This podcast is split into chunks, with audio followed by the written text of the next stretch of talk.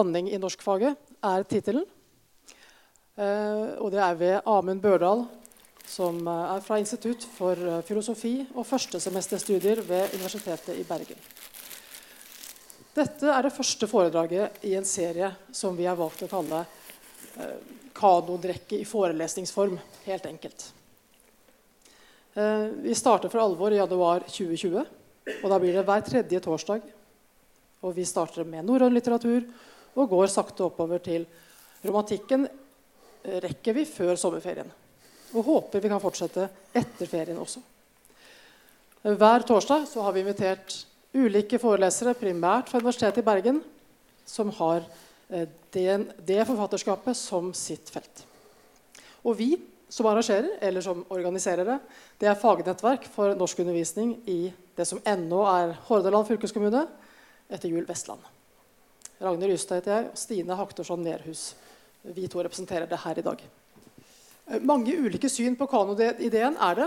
Eh, mange er uenige også i at man trenger en, eh, en sånn kanon. Men vi mener at det er en del som taler for også. Bl.a. ny læreplan i norskfaget som betoner danning, identitet, kulturforståelse, men som ikke, ikke nevner forfatterskap, f.eks. For eksempel. Og det kan være til nytte også. Det kan også være godt i en tid hvor kanskje veldig få referansepunkter er felles at man faktisk har noen. Så selv om det kanskje er alderdommelig, jeg er faktisk for en viss kanon. Men en kanon som alltid er levende, så heller en kanonform i forelesningsform enn på en liste. Eh, de inviterte, de vi har invitert, altså, de har fått fritt spillerom. Litt sånn con amore-oppdrag. Eh, og det har i hvert fall Amund Børdal tatt på alvor. Eh, her har han eh, lagt opp løpet helt selv, og det er veldig interessant, syns jeg. Jeg tror vi gir ordet over til deg, Amund Børdal. Ja, kanon det betyr et gammelt gresk ord som betyr rettesnor eller målestokk. Det er nokså seint at ordet er kommet inn i europeiske språk i forbindelse med en litterær kanon. Hvis vi litteratur tenker på det vi vanligvis tenker på når vi tenker på uh, litteratur. Slik at vi i en litterær kanon har uh, de beste romanene, de beste skuespillene, de beste diktene osv. bortover. Uh, mitt foredrag det er dannet etter modell av det kanonbegrepet vi må ha i nyere tid. Under mindre strenge kulturpolitiske regimer enn det som ofte har kjennetegnet vår fortid. Og det er en rettesnor som man kan gjøre sånn med som når man hopper tau. Altså den, vi har en rettesnor, men den bølger frem og tilbake. Det er en diskusjon om hva som skal være med i kanoen. og mitt foredrag det er, kommer til å bli nokså sånn hoppende, det òg, som et hoppetau. Og jeg kunne fremført en serie unnskyldninger for at det ikke blir mer rettlinjet enn det blir. Uh, min hovedunnskyldning er at jeg har så vondt i ryggen at jeg ikke greier å stå. Så derfor har jeg satt meg. Etter en stund kan det være at jeg får så vondt i ryggen at jeg ikke greier å sitte. Så da reiser jeg meg og går frem og tilbake. Men først hvis jeg faller om kull, uh, er det grunn til å tilkalle brannvesenet. for å si det på den måten. Jeg har tenkt å prøve å snakke meg varm da. Ehm, jeg kan ute av stand til å gjenta Eh, det meget velformulerte, gjennomarbeidede og strålende foredraget jeg holdt uh, sist, det husker jeg ikke et ord av.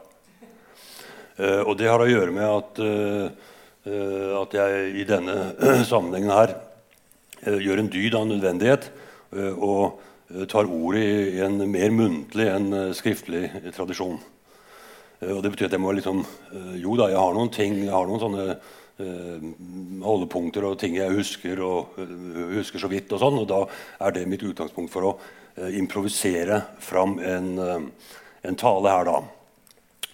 men jeg har med meg et manuskript på den første sliden som jeg skal lese høyt. Og så skal jeg etterpå si hva det er for noe, som en måte å sette temaet på. Jeg kan si såpass som at det jeg skal lese høyt, er en karakteristikk av Homer Eh, som er formulert eh, opprinnelig på latin av romeren eh, Quintilian. Og han er fra første århundre etter Kristus. og Dvs. Si at han er ca. åtte århundrer etter Homer. men han er jo da ca. nesten 2000 år forut for oss. Sitatet det lyder som følger.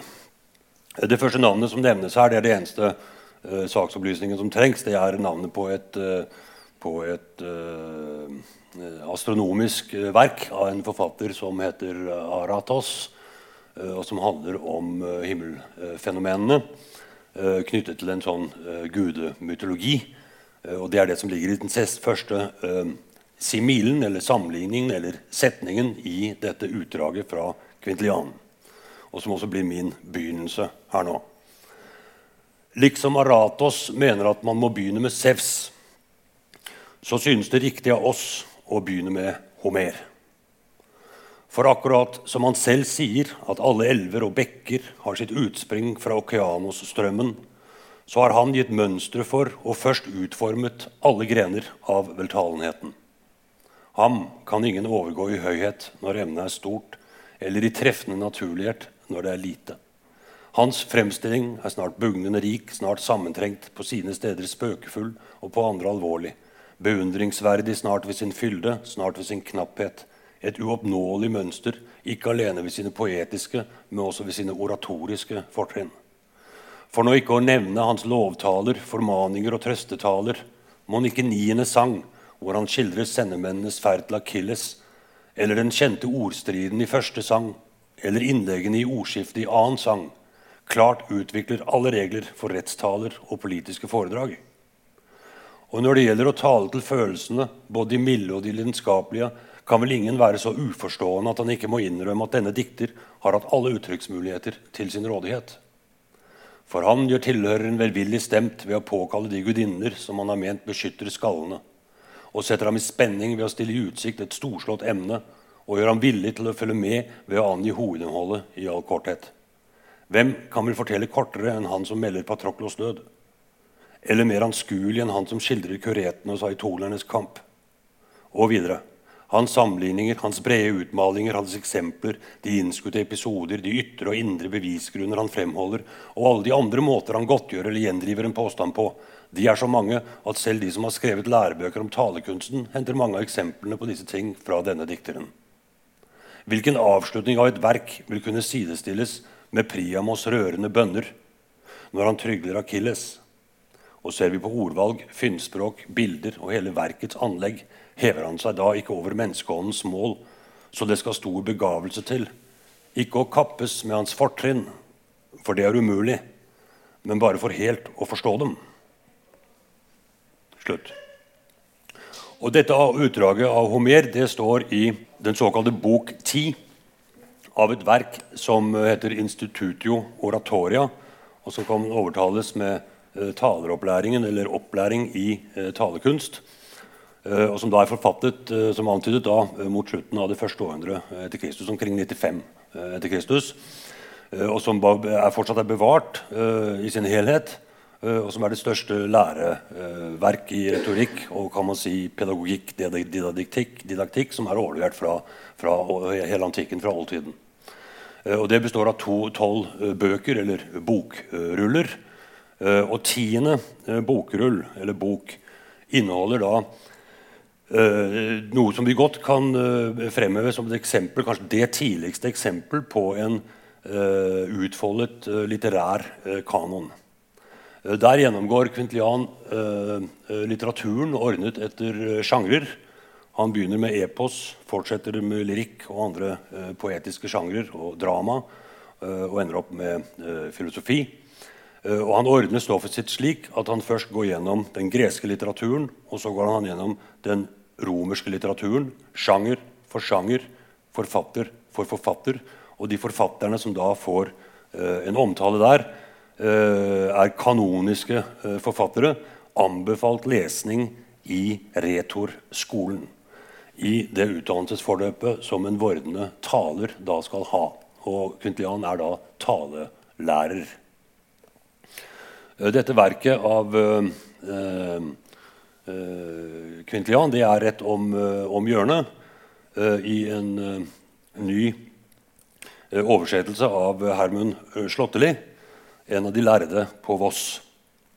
Herman Slåttli har de siste 10-20 årene gjort en stor innsats for å oversette klassikere fra, fra latin til norsk.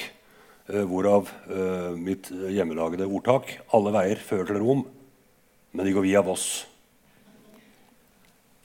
Og Det har med saken å gjøre, for jeg har tenkt å forsøke å sette foten litt borti da, i den norske sammenhengen for det vi snakker om her. Det er ingen sak å, å, snakke om Homer i først minutter, så timer, så dager, så uker uten å komme innom Norge. Han er jo et felles europeisk, for ikke å si verdenslitterært eie. men vi er da tross alt i, i, i Norge. Hvis man studerer nærmere dette sitatet av uh, Quintilian, som nå burde ha lytt på klingende uh, landsmål uh, à la Slåtteli, men jeg har ikke fått tak i denne utgaven. Den er akkurat uh, kommet ut. så det jeg leste høyt her, det var da en modernisert versjon av en oversettelse som rektoren ved Drammen latinskole, Peter Østby, laget i 1920 Eh, og avsluttet sitt forord, sin introduksjon til sin oversettelse av Iliaden med å sitere. Og Så føyer Østby til at denne litterære dom har hatt gyldighet helt ned til vår tid.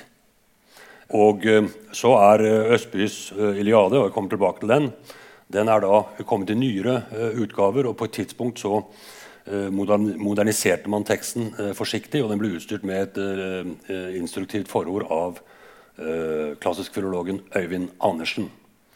Eh, og han valgte da, som en slags hommage til eh, Østby, men også til Quintilian og Homer, kan vi si, og avslutte også sitt forord med samme sitat. Og det var den oversettelsen jeg nå siterte. Hvis man ser nærmere på dette sitatet, så vil man dels konstatere at den, at den er da Eh, det man kaller en retorisk lovtale til Homer. Man vil også kunne se at eh, og det er tydeligere hvis man da ser på den latinske originalen. Det skinner igjennom uh, en oversettelse hvis man uh, jobber med retorisk terminologi. Man vil se at uh, denne beskrivelsen av Homer er rettet inn mot å gjøre Homer til et forbilde Eh, for ulike retoriske eh, strategier eh, man kan ha. Ulike kvaliteter en god taler må ha.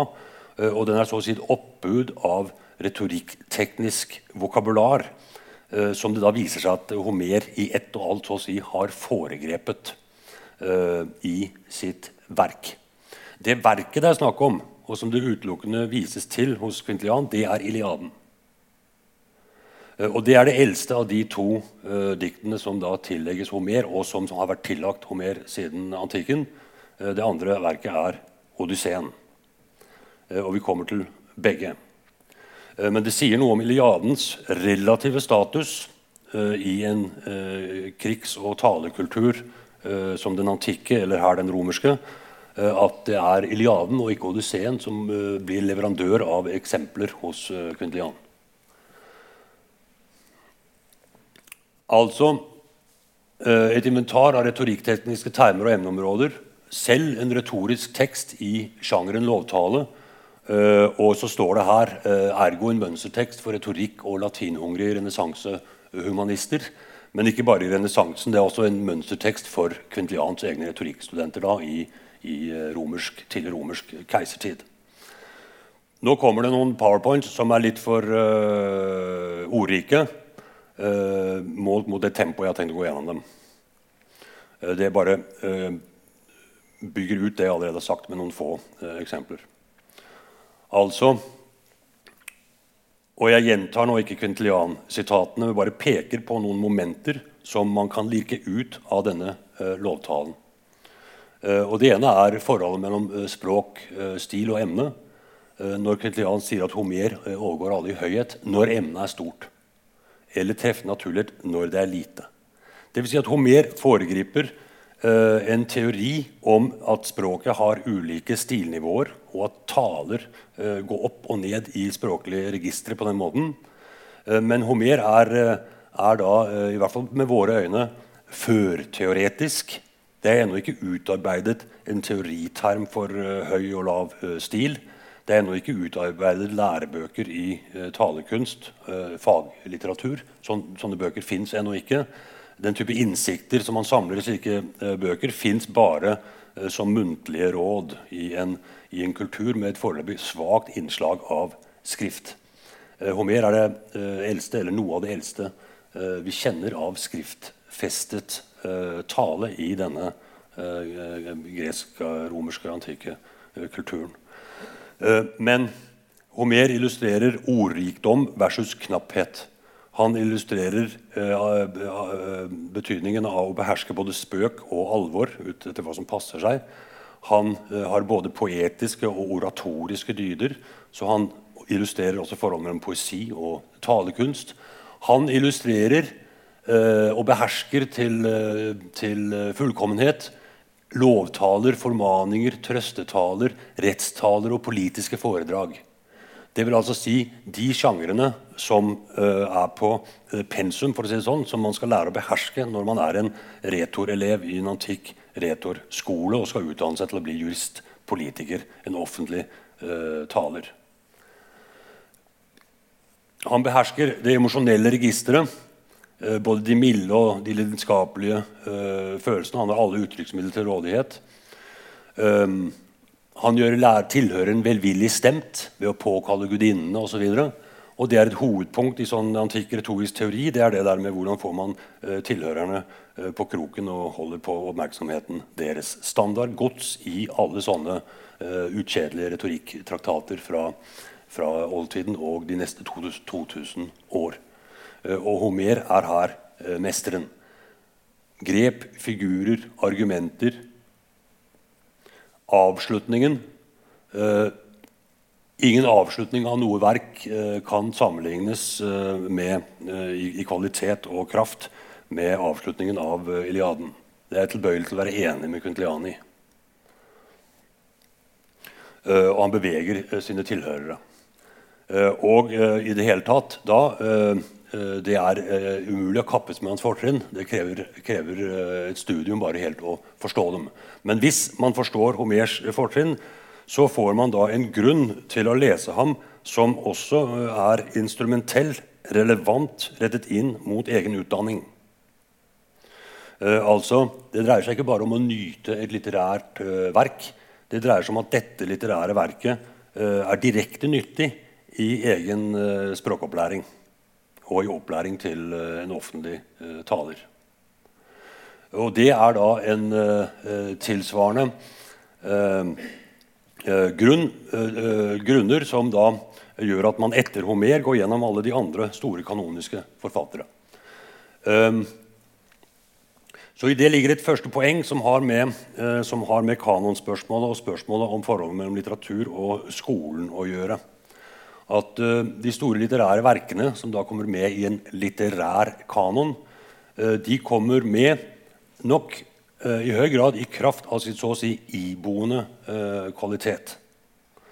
altså en, en, klassiker, det er med Trapans ord et verk som da har en irrepressible freshness, som virker nytt og friskt og, og tiltrekkende Eh, opp gjennom århundrer og kanskje årtusener og på tvers av alle ideologier og epoker.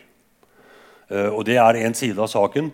Men en annen side av saken er at eh, tekster kommer med i kanon fordi de kommer med i en skolekanon. Fordi at de traderes som undervisningsstoff i skolen.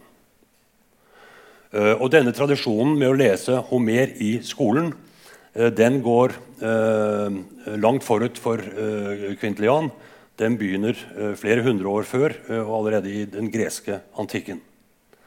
Så Homer er eh, ved siden av å være liksom, litteraturens begynnelse i det man kan kalle vår kulturkrets, i hvert fall i en tradisjonell forestilling om hva som er vår kulturarv, hvor Homer og Bibelen da er liksom de to eldste tekstene, tekstsamlingene vi har.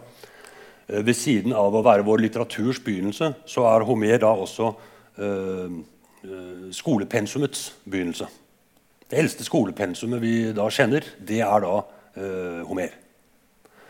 Eh, og det er fordi at det, Poenget med eh, skolen er da at man har fått en ny teknologi som må tilegnes. Og det er skriftens teknologi, eh, som man eh, lager da eh, systematisert eh, undervisning i bokstavbruk. Eh, bokstavopplæring, kan man kalle det. Eh, og en bokstav på gresk det er gramma. Eh, så dette faget kan kalles for grammatike, eller vårt grammatikk. Bokstavopplæring. Og når de begynnelsesgrunnene, når de helt elementære teknikkene for å å si, inskribere og tegne og Eh, bokstavene. Så når man begynner å erobre eh, skrive- og lesekunsten, så er det første man leser, er da eh, dikterne. De store dikterne. Homer framfor alle, men etter hvert får det tilfang fra en økende eh, kanon, kan vi si. Eh, på romersk grunn så blir da, eh, så blir da Vergil, den store dikteren fra keiser Augustus' tid, og med sitt svære epos Eneiden, som er et homerisk epos på latin. Han blir da eh, eh skoleforfatter, og eh, i det hele tatt litt latinske litteraturen eh, vokser.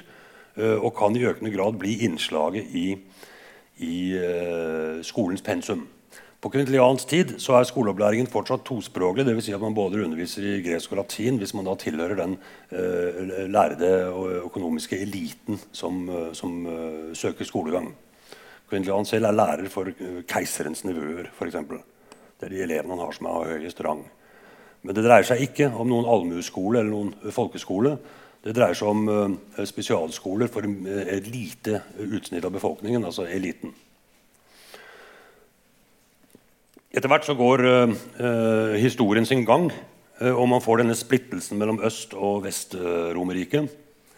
Uh, og grovt sagt så følger, følger, den splittelsen det som i langt seinere tid ble til jernteppet mellom Vest-Europa og Øst-Europa.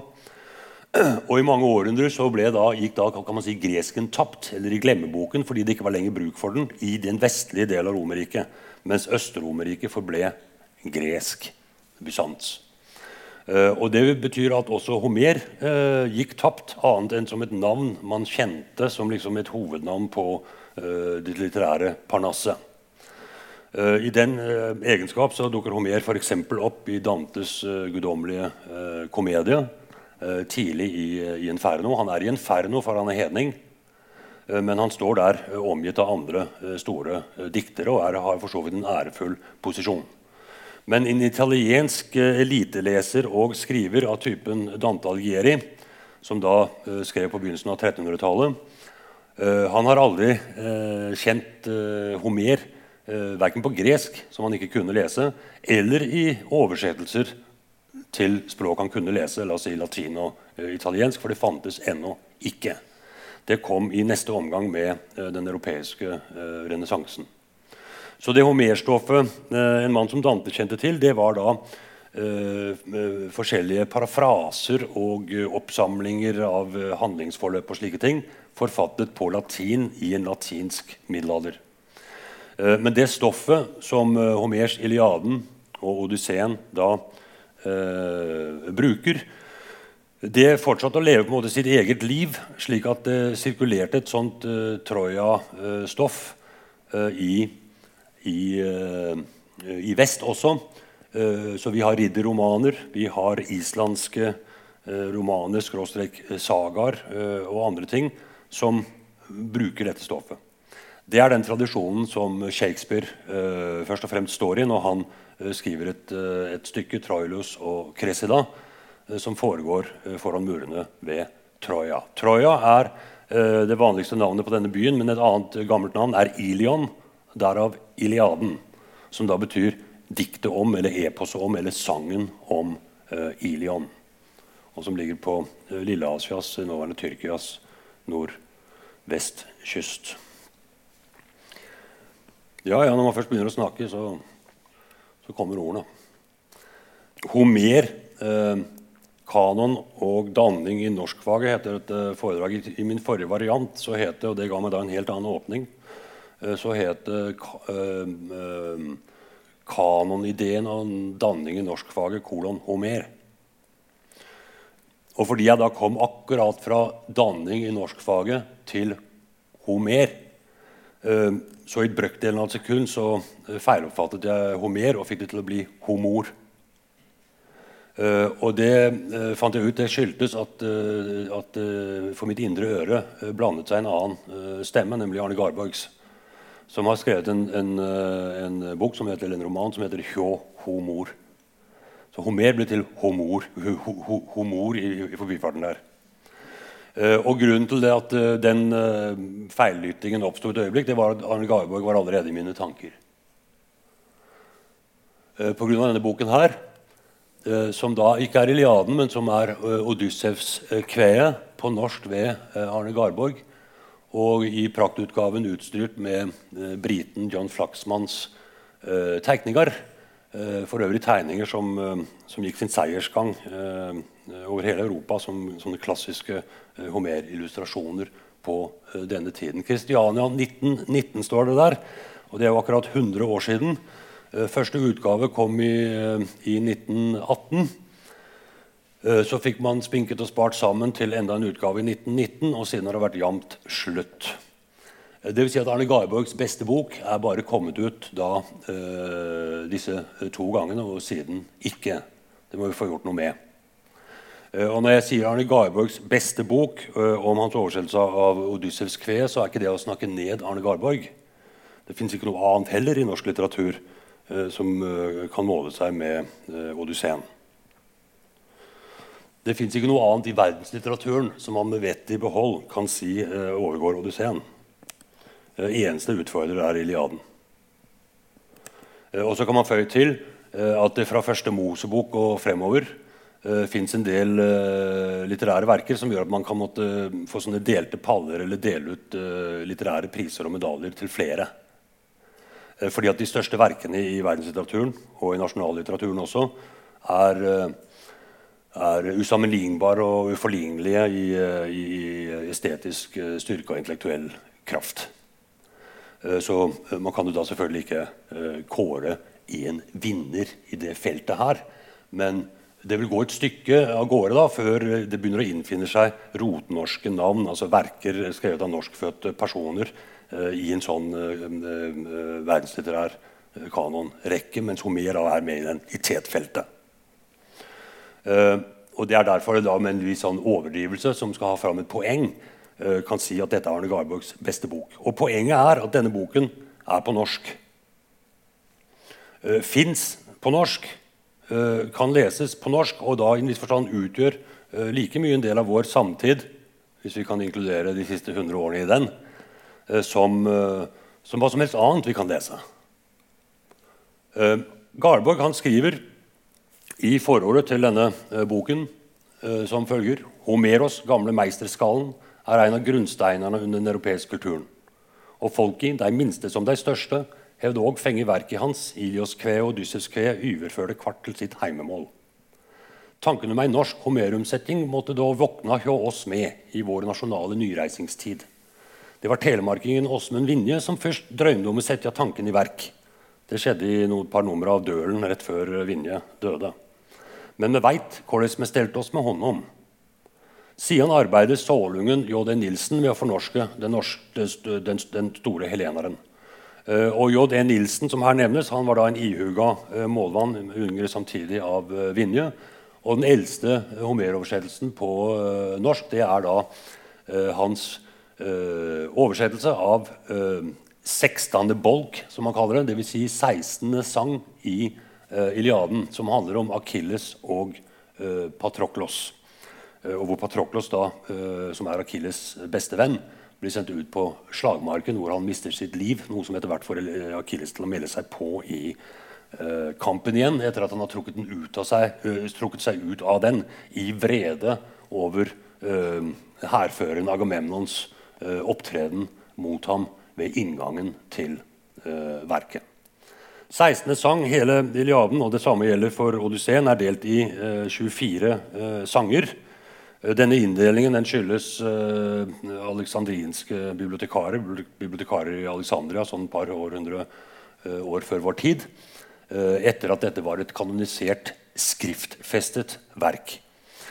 men for å forbli i, i det løpet jeg er her nå, så er det altså slik at landsmålsbevegelsen på, som vokser ut av 1800-tallet og fortsetter innover i, det 20. århundre, er en viktig pådriver for at man får eh, Homer og andre eh, klassikere i norsk språkdrakt. Eh, så språkstriden i Norge den er da en av forutsetningene, eller katalysatorene, for eksistensen av en felleseuropeisk, klassisk, kanonisk litteratur på norsk. Eh, og det er da ikke bare landsmålssiden som har holdt på med dette. Eh, vi kan snakke om en, eh, snakke om en, fredelig kappestrid mellom landsmålet og riksmålet senere, bokmålet, på dette punktet her. Fredens kappestrid kan illustreres med en serie som startet opp i 1935, og som het 'Så er sagt'. Og her er det da gresk og romersk litteratur i utdrag til skolebruk og allmenn opplysningsarbeid om eh, den eh, litterære arven.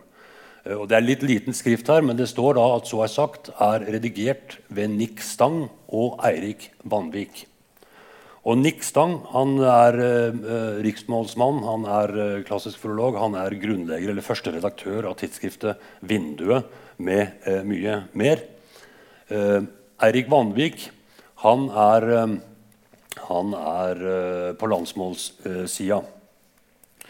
Uh, for uh, den Iliaden som da J.D. Nilsen ga en prøve på, den ble det ikke noe mer av. og så oversatte Garborg Odysseen sammen med en overlærer S. Skjøtt, som han nevner i forordet. Og det er Steinar Skjøtt, som også er en ihuga målmann på denne tida og som ble en av Garborgs uh, nære venner mot slutten av Garborgs liv. 'Knudehei-brev' er tilegnet uh, S. Skjøtt, som er uh, Garborgs mer enn Garborg greskkyndige samarbeidspartner i, i Homer-oversettelsen hans. Erik Vanvik han, han er yngre. og landsmålet måtte vente helt til 1951 før en komplett oversettelse av, av hans Iliade forelå. Men det forelå da noen forprøver i denne serien her som var slik utgitt at den både kom på nynorsk og på eh, bokmål. Jeg har ikke med det bindet, men det fins en tilsvarende bokmålsk. Der står det nynorsk, og så fins en tilsvarende på bokmål. De utkom parallelt. Eh, så det var altså språkstrid, men her som eh, et produktivt eh, samarbeid. Eh, Eirik Vanvik han eh, er fra Vanvik i Suldal i Rogaland. Og han ble siden professor i middelalderlitteratur ved Universitetet i Oslo. Eh, hans sønn har i et intervju forklart hvor hans boklige interesser kom fra. Citat, Far skilte seg ikke ut som elev, han var ikke noe skolelys. Men i 14-15-årsalderen fikk han spanskesyken, og da stakk faren til ham Garborgs oversettelse av Homers Odysseen. Mye tyder på at møtet med den boken var det som ga livet hans retning. I Homers fortellerkunst fant han trekk som minnet om den rike fortellertradisjonen i hjembygda.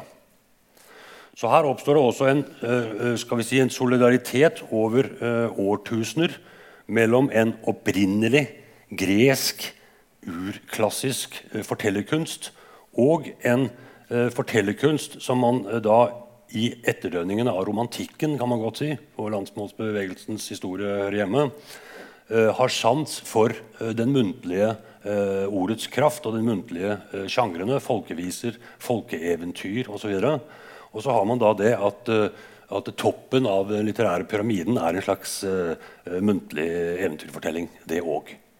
Uh, eh, og hvis man går nærmere inn på disse landsmålsoversettelsene, så kan man godt uh, mer eller mindre kritisk observere hvordan måtene blir oversatt på, har en, innimellom en sånn dreining i retning av sånn norsk fortellerstil som man kan kjenne fra, fra eventyr og folkeviser og, og annet. Men det er altså da eh, eh, Vanviks Iliade eh, her ved siden av en nyere utgave av Østbys Iliade fra eh, 1920. Det er de Homer-oversettelsene som da er, eh, er, eh, fortsatt er i omløp, og som man leser. Og det er jo Peter Østbys bokmålsoversettelse som nok er mest lest. Men Vanviks utkommer også stadig vekk. Denne utgaven er fra 2009. Jeg er ikke sikker på om det har kommet noen siden, men det er ikke så lenge siden.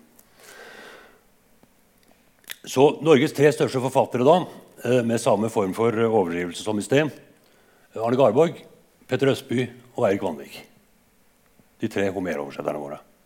Med årstallene for deres oversettelser i parentes her. Han typen der det er en, en lystig ung mann som heter ja, Ikke så ung lenger, men med mine øyne. Jeg har hatt han som elev en gang. Han heter Aslak Rostad og holder på oppe i Trondheim. Og han er i ferd med å lage en ny oversettelse av uh, Iliaden. Og den vil antagelig bli trykt i denne serien her, som ble startet opp for et par år siden. Uh, og som er et storsatsingsprosjekt fra uh, Gyllendals side, hvor man da tar mål av seg til å få oversatt nærmest alt av gresk og romersk litteratur som ikke foreligger, eller selv om det foreligger, til norsk. De jobber i 30-årsperspektiv og har tenkt å gi ut mye over 100 titler. De har gitt ut 17-18 titler i løpet av de første to årene, så får vi se hvordan det går. Så her er en aktiv kanoniseringsvirksomhet som foregår. Og jammen blir ikke disse bøkene omtalt i pressen også.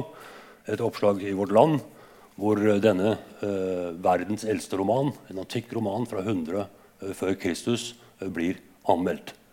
Eh, og Den romanen kunne man si en masse om og hatt et eget foredrag om. Men det eneste man kan konstatere her, når man da leser denne romanen, det er at den er full av Homer-sitater. Eh, og Det er karakteristisk for hele den greske eh, litteraturen i, i klassisk og etterklassisk tid at Homer på en eller annen måte er med. Hvis man leser Platon-dialoger, så støter man på Homer i ett kjør. Så Homer eh, er eh, skolelitteratur eh, på bakgrunn av en stor felles muntlig fortellertradisjon og setter sitt avtrykk i, i, med en overgivelse av all senere litteratur mer eller mindre tydelig. Eh, det bare oppsummerer det jeg har sagt hittil. Det er det klassiske bokverk på den ene siden, og så er det Torleif Dahls uh, kulturbibliotek på den andre siden. Så det er landsmålsbevegelsens tiltak her, og riksmålet eller bokmålet her. Og denne serien her, som fortsatt kjører, Torleif Dahls kulturbibliotek, den åpnet da i 1960 med en oversettelse av ikke Homer, men Herodot. Og dersom Homer er det største uh, verket uh, i vår kulturkrets, så kan man føye til og det er på vers.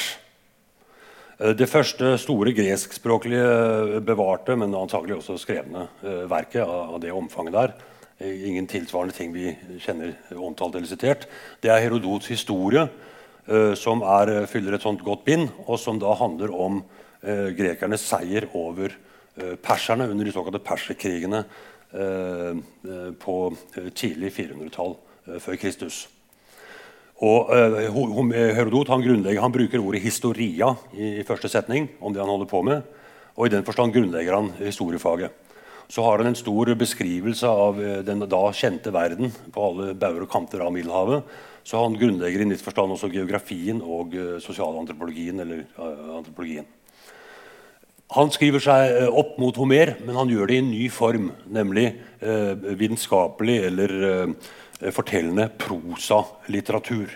Prosatekster, eh, fortellende prosatekster, altså et yngre fenomen enn eh, fortellinger på vers. Eh, og Det kan det være ulike grunner til, som man kan holde på med lenge.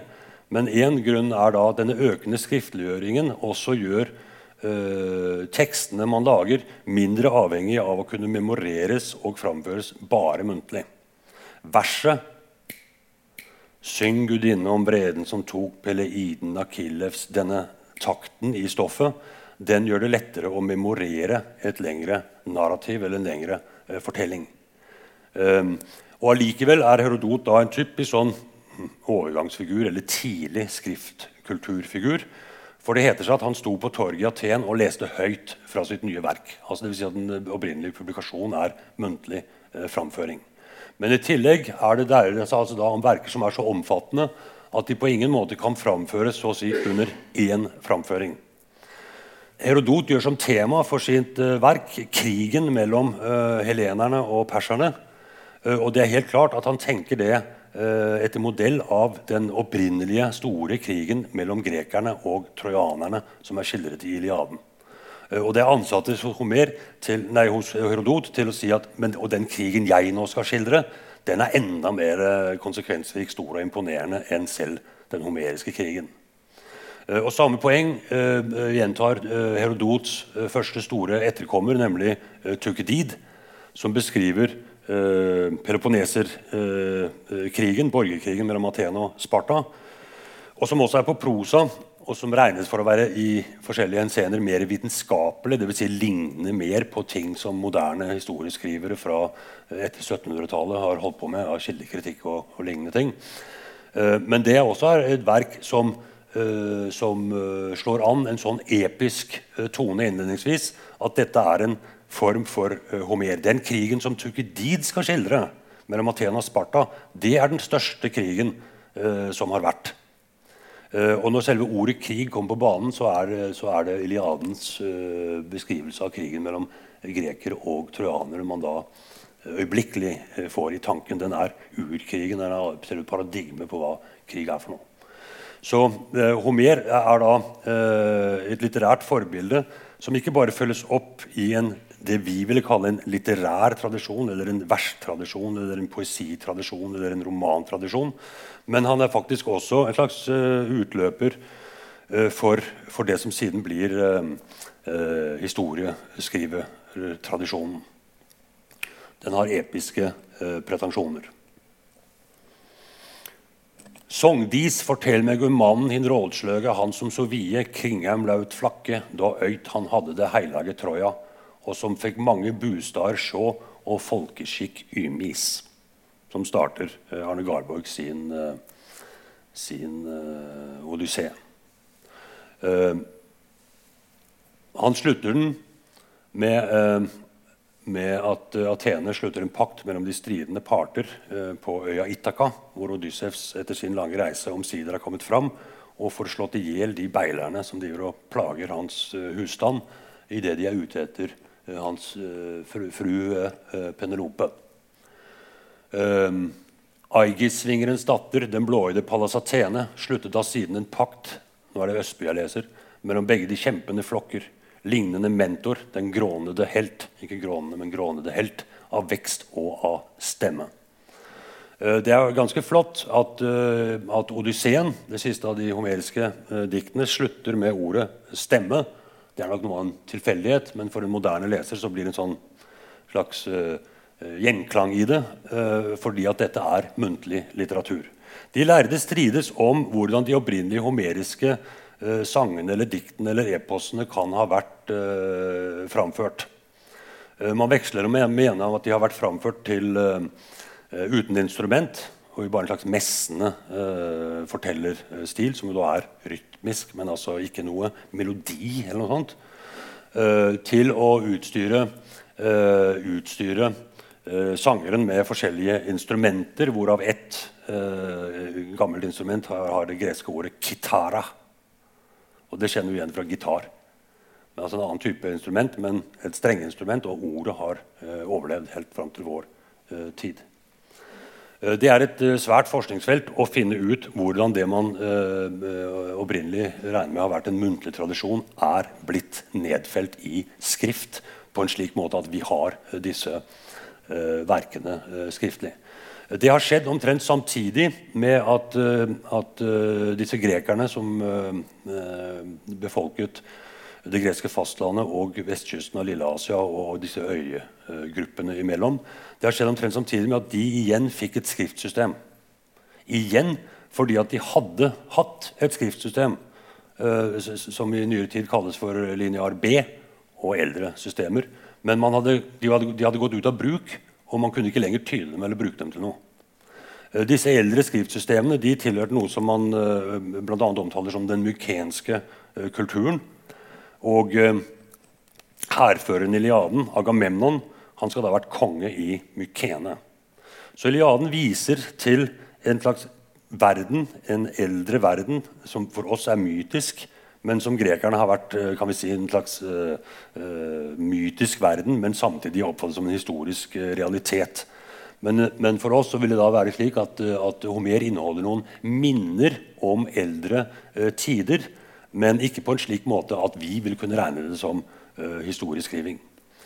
Uh, men da uh, dette eldre skriftsystemet var gått tapt, og det var først uh, midten av det 20. århundre at man fant ut at det var gresk som skjulte seg bak disse kråketærne. så fikk grekerne et nytt alfabet som de importerte fra fønikerne.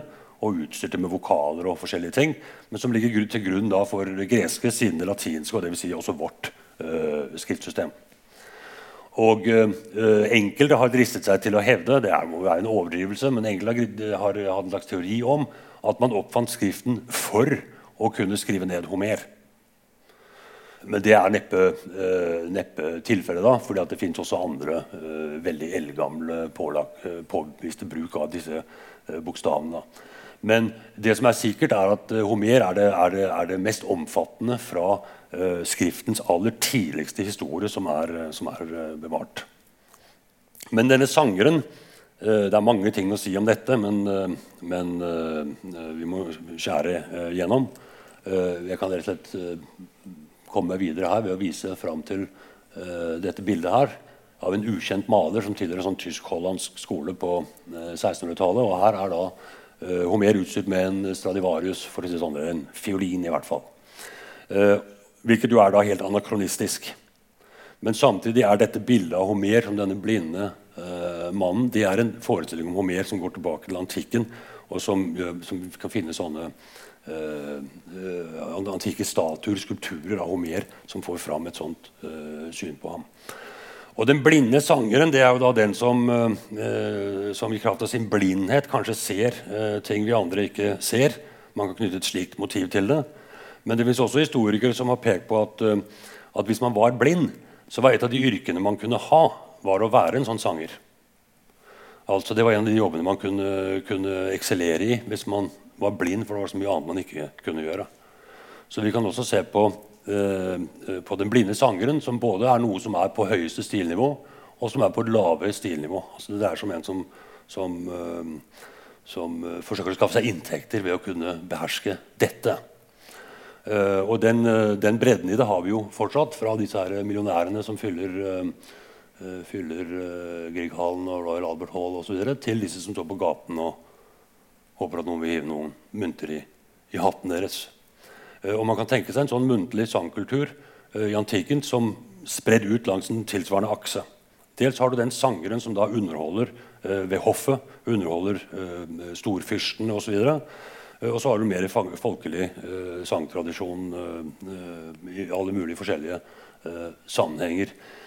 Hos Homer, hvis man leser Iliaden og Odysseen, i Iliaden så er det et bilde av Akilles, diktets helt, som sitter liksom ved bålet ved, ved leiren sin og spiller og synger. Eh, og så er det i Odysseen eh, to sangere som man ofte trekker fram, for de er en slags homeriske sangere som opptrer i diktet. Eh, og i, i Odysseen så er det dessuten sånn at store deler av det som fortelles, nemlig om Odyssevs reiser og, og strabaser, det forteller Odyssevs selv. Han blir oppfordret ved et sånt fyrstelig måltid å fortelle om sine eventyr. Og Da opptrer han også en viss forstand selv som en homer i diktet. Eh, og bl.a. pga. disse beskrivelsene da, man har eh, forsøkt å lage teorier og formodninger om hvordan dette, eh, denne gamle sangkulturen artet seg. Men sporene går i, i forskjellige retninger. så er skrevet 1000 artikler om det, men det er rikt rom for å skrive 1000 til. Sånn. det er den muntlige eh, sangkulturelle, kan man si sanglyriske, eller hva man vil kalle det, siden ved dette. Og så er det altså det at de er festet i skrift. Og For par, eller en sommer siden så fant man et utdrag av Odysseen på uh, en steinplate. Og det er det, noe av det aller eldste, kanskje det eldste, det var et sensasjonelt funn, man har av skriftfestet Homer fra antikken. Uh, og Allikevel er, er, vi så langt ute som i de tredje århundre etter vår tidsregning. Altså det vil si omkring 1000 år etter at man regner med at de homeriske diktene ble skriftfestet. Det man for øvrig har av så gammel homer, det er når man finner papyrusfragmenter. Uh, enten i, i, Italia eller ned, nedgravd i, i, uh, i Egyptens uh, sand. da får man sånne fragmenter av antikk litteratur som er sånn fra andre og tredje århundre etter Kristus. Men ellers er den antikke litteraturen i all hovedsak overlevert takket være munker i, i klostre som satt og skrev av litteratur. Og, og, deres betydning for hva som da blir regnet som kanonisk og verdt å skrive, om, uh, skrive av og tradere videre, er jo da, uh, kan ikke overvurderes. Og Det taler denne kristne munkekulturen til stor ære uh, at de ikke har ideologisk renset ut kan man si, hele den hedenske litteraturen, men har funnet så store deler av den verdig til å bli videre uh, tradert. Man kunne godt tenke seg at dette ville gå, ville gå dukken pga. at det er hedenske gudegallerier. og den type ting. Uh, mange antikke tekster er antagelig gått tapt av sånne grunner. Uh, og sånne kampanjer mot hedenskapet uh, opp gjennom århundrene. Men altså, veldig mye er da tross alt bevart, selv om det er toppen av et isfjell. og Da får man sånne håndskrifter som dette. her, Det er fra 10. århundre, dvs. Si 900-tallet.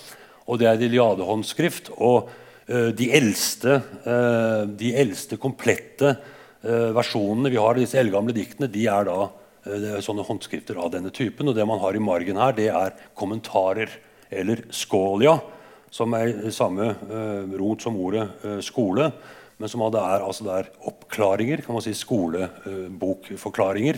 Uh, uklare punkter i, i, teksten, eller ting man vil, vil utbrodere. men altså, Iliaden handler om krig. Uh, men det, det, kan ikke uh, kalles for et, uh, et, et, bare et krigsforherligende uh, dikt, selv om det er også det. Og som er noe av forklaringen på Iliadens veldige popularitet. Det er overlevert la oss si, Hvis det er overlevert 150 Odyssevs-håndskrifter fra middelalderen, så er det overlevert 250 av Iliaden. og Det er den som først blir nevnt i, også i antikke kilder, selv om Odysseen også har en, en rimelig høy autoritet. Og det er fordi at her er det rett og slett kampskildring på kampskildring på kampskildring. Men noe utelukkende, utelukkende krigsforherligende epos kan det ikke kalles, slik, om, slik som en del seinere diktverk i denne sjangeren etter hvert må kunne uh, kalles, fra Rolandskvadet og uh, foran og bak. Uh, er, man kan også omtale det som et, et antikrigsdikt, for det er også et dikt som viser fram krigens eh, grusomhet og nådeløse konsekvenser på, på også for moderne eh, mennesker gripende måter. Dette er en sånn romersk gravering, og den personen som da bæres av gårde her, det er Hektor. Som er hovedkrigeren på trojansk side, men som får dødsstøtet av, av Akilles i hans vrede. og disse tre kvinnene, det er da de tre siste som som får ordet i Iliaden, eh, som slutter med, med klagesangen ved Hektors likbåre. Eh, enda Hektor da er eh, ikke den greske helten, men den trojanske helten. Så diktet har et gresk perspektiv, men det har perspektiv og vidde nok til å se begge eh, krigen fra begge sider. Og vi, kom, vi, kommer både tett på den ene og den andre av de stridende parter. Og diktet handler mye om hva eh, det vil si for fedre, hustruer og barn å miste eh, sine eh, sønner, menn og fedre i krig. Odysseus handler da ikke om krig, men om en helts hjemreise etter at krigen er vunnet. Odysseus reiser. Og dette er en av utallige forsøk på å rekonstruere hvordan reisen ser ut. Eh, og det fins mer nøkterne rekonstruksjoner. Allerede den her uh, går kanskje litt langt i å uh, trekke disse strekene med litt for stor sikkerhet. men vi ser at det er en reise på kryss og tvers i middelhavsområdet. Og det skyldes at Hver gang Odysseus liksom nærmer seg å endelig være hjemme ved, Itaka langt vest, som er målet hans, og hvor hans husstand holder til, så skjer det et eller annet som gjør at han blåses ut av kurs, eller båten blir slått sund, eller et eller annet sånt. Um, Eh, og så har man da eh, en rik tradisjon for å spekulere i, eh, i hvor det er disse stedene Odyssevs kan ha vært. Og Hvis man leser romeren Vergils Eneide, så får man da innimellom lokalisert noen av disse stedene til noe som passer i en romersk geografi. Slik at dette fryktelige stredet mellom Siciliastredet det blir det fryktelige stedet hvor Odyssevs og hans menn skal passere Skylla og Karybdis. Det er kanskje et uttrykk dere kjenner. Man skal unngå Skylla Karypti, som er to uhyrer på hver sin side av en sånn strøm. Ehm, men eh, presten Jonas Ramus, sunnmøring på 1600-tallet, eh, som i 1702 utga en bok eh, med denne tittelen 'Odyssevs og Odin er én og den samme', ehm, han fant ut at denne geografien til Odyssevs den kan med fordel plasseres i norsk farvann. Uh, og det uh, er en, uh, en, sånn ting som nevnes med, med, med en sånn kort latter i forbifarten i norske litteraturhistorier om hvordan det sto til med vitenskapen i Norge på 1600-1700-tallet. Men denne Ramus skriver seg inn i en da voksende og rik europeisk tradisjon for å skaffe de europeiske nasjonene en sånn slags opphavstilknytning til, til det homeriske verden. Så Vergil fant ut at eh, grunnleggeren av Romerriket var en flyktning fra Troja. Og så fant frankerne ut, og andre folk eh, i tur og orden ut at de også kunne føre seg tilbake til dette Troja, eh, den opprinnelige krigen. Og her dreier det seg altså om, å påvise at, at det er norskekysten som da er der Odyssevs kommer når han kommer lengst bort og slås skikkelig ut av kurs. Eh, her er en lærd diskusjon av om det kan være Kilstrømmen oppe ved Fensfjorden, eh, i nærheten av eh, Mongstad, som er skylda Karybdis-stredet. Men han etter hvert, kommer etter hvert forsker seg frem til at det må være Moskstraumen mellom Røst og Lofot det er snakk om. Og Det er en eldre illustrasjon enn Ramus' bok. Det er fra en svensk geografi fra 1500-tallet. Men det er altså da Moskstrømmen her oppe i den virvelen i en uh, måte å tenke om uh, verden på hvor altså disse, disse, uveisomme stedene, ville stedene er rikt befolket av mytologiske vesener. Og Dette kunne man også si mer om. For det fins utløpere av denne tradisjonen. Det er Moskstrømmen er der hvor kaptein Nemo går under med Nautilus i Jules Vernes En verdensomseiling under havet. om det er noen forbindelse mellom ham og Ramus, det gjenstår å forske fram. Eh, selv ble jeg første gang kjent med eh, Homer. Eh, det var da ikke Iliaden, men det var Odysseen. Fordi at i min bestefars og etter hvert foreldres samling fantes en sånn bok som het uh, 'Odyssevs reiser og eventyr'. og Dette er den berømte historien om det enøyde trollet som de blinder med en brennende stokk. Og så kommer de seg ut ved å gjemme seg under disse sauene. og Det er en sånn fortelling som appellerer til barn trollet og sauene osv., og, og som jo også kan minne om norske eh, folkeeventyr.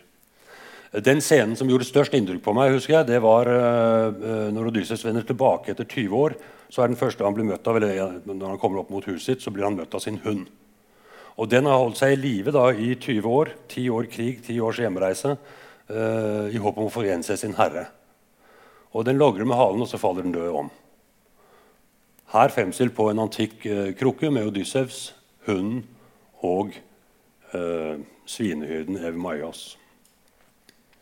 Og Da nærmer det seg eh, Penelope, som da er Odyssevs hustru, og som sitter eh, og venter på ham da, i disse 20 samfulle år her i Klaus Wifbergs eh, eh, variant.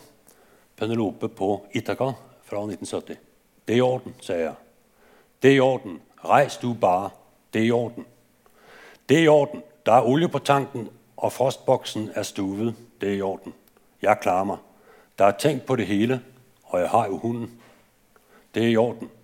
Det er i orden, sa jeg og vannet mine blomster. Det er i orden, sa jeg og nippet de visne blomster av. Det er i orden alt sammen. Det er alt sammen i orden. Jeg har mad, penge og fjernsyn. Det er i orden. Jeg nipper de visne blomster av mitt køn. Det er i orden. Og med hensyn til bejlerne, så tenker jeg bare på deg og sier det er i orden. Det er i orden. Det er i orden. Det er i orden. Og det bringer meg tilbake til ho, homer. Dere kan bare begynne å gå. Jeg uh, bare fortsetter å snakke. Kan jeg holde på i to minutter til? Ja, det går fint. Det betød fire. Ho, homer. Overalt hvor man uh, hører om Homer i, uh, i litteraturen om Homer, fra antikken og framover, så forestiller man seg Homer som en mann som i disse bystene av den gamle, blinde eh, sangeren. Eh, det fins et unntak, og det er en eh, kreativ eh, eh, forfatter på eh, tampen av 1800-tallet, 1897, som da utga en bok som het 'The Authoress of the Odyssey'. Han har da en teori om at Odysseen Han uttaler seg ikke om Iliaden her. Jo, det gjør han, men det er Odysseen hans teori handler om. Han har en teori om at Odysseen er forfattet av en uh, kvinne, eller jente, uh, som har prinsesse Nausikaa som opptrer i diktet liksom som sin signaturfigur. Og så har han en teori om at det, dette landskapet som, uh, som Odysseus skildrer og Da kommer vi langt fra Hegelandskysten og ned til Italia igjen. At det minner om visse steder på Sicilia. Og Der har denne prinsessen bodd, og så har hun skrevet dette diktet. Det er ikke en teori som har hatt noe vind i seilene i homerforskningen uh, siden, kan man uh, trygt uh, si. Han er en enslig svale, men, og det har antagelig ikke noe på seg. Men det er allikevel et poeng jeg ville tatt opp hvis jeg skulle undervise i en moderne klasse om Homer, hvor jo da de som følger med, er jenter. det fins også en teori om at de eldste delene av, av Moseboken, første Mosebok, er forfattet av en kvinne. Det er også en meget spekulativ teori, men det er ikke umulig. Og kan da godt komme inn i en, i en, uh, i en, uh, i en kanon med et visst feministisk perspektiv, hvor man dessuten uh, kan slå fast med mye større sikkerhet at den første navngitte forfatteren vi overhodet vet om, det er prestinnen Enheduana, datter av kong Sargat 2., eller hva han het for noe. Og da er vi langt forut for Homer. Vi er til og med 1000 år forut for Gilgamesh-eposet. Eh, men det fins en rekke eh, religiøse hymner bevart på sånne kileskrifttavler. Vi er i Mesopotamia. Eh, og dette er en avbildning av denne prestinnen med nokså stor sikkerhet. Så dette er ikke en luftig teori. Det regnes for å være det er konsensus i forskningen om at den første navngitte forfatter vi kjenner, er en kvinne. Eh, og Det har da ikke noe direkte med, eh, med, med, Homer å gjøre, men det har å gjøre med Ho Homer. Først i vår tid så er uh, disse diktene i, uh, blitt oversatt av uh, kvinner. 2015, 2018 voldsom kritikerroste oversettelser av henholdsvis Iliaden og Odysseen. Den kjenner jeg ikke ennå. Den har jeg begynt å lese. Og det er eh, eh, interessant å se hvordan denne oversetteren både i sin innledning og også i sin måte å oversette eh, på eh, får perspektivert teksten til dels på litt andre måter enn det man er vant til fra eh, en lang rekke mer tradisjonelle oversettelser. Slik at Odysseen, som alltid oversettes med ja, straks at Odysseus er en, en hin rådsnare helt eller en mann of many turns, han oversettes her med a complicated man. Eh, og Det er en fullt uh, mulig å gjøre med bakgrunn i gresken, men det kommer et helt nytt perspektiv inn i kraft av denne uh, nye oversettelsen. Så Slik fortsetter da denne traderingen av, av, Homer med en form for bevegelighet som ikke bare kjennetegner den muntlige kulturen, men som også kjennetegner den skriftlige kulturen. Skrift er også en form for Eh, tale i den betydningen, altså at et ord aldri betyr det samme neste gang man bruker det. Punktum. Det fortsetter nedover her, men eh, tida er ute. Ja.